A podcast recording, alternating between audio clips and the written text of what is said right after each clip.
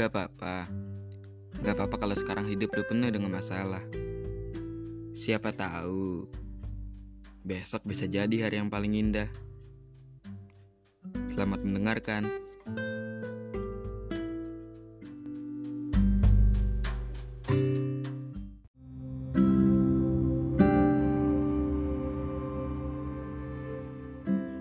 Ada yang pernah bingung gak?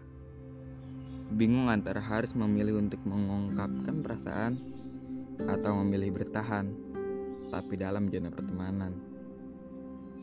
Kalau lu pernah, lu gak sendiri. Gue juga pernah dalam kondisi itu. Kita bahagia, tapi dalam situasi penuh tanda tanya. Kita saling bertahan, tapi cuma sebatas teman. Kita saling membahagiakan, tapi nggak pacaran. Sebenarnya apa sih kita? Kita itu apa? Teman atau pacar? Mungkin ada beberapa perasaan bermula dari pertemanan. Ada pula pertemanan yang hancur karena sebuah perasaan.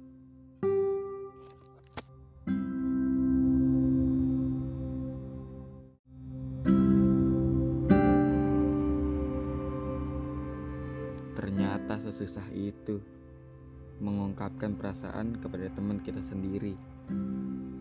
Kita lebih takut kehilangan dia sebagai teman dibanding mengungkapkan perasaan kita sendiri.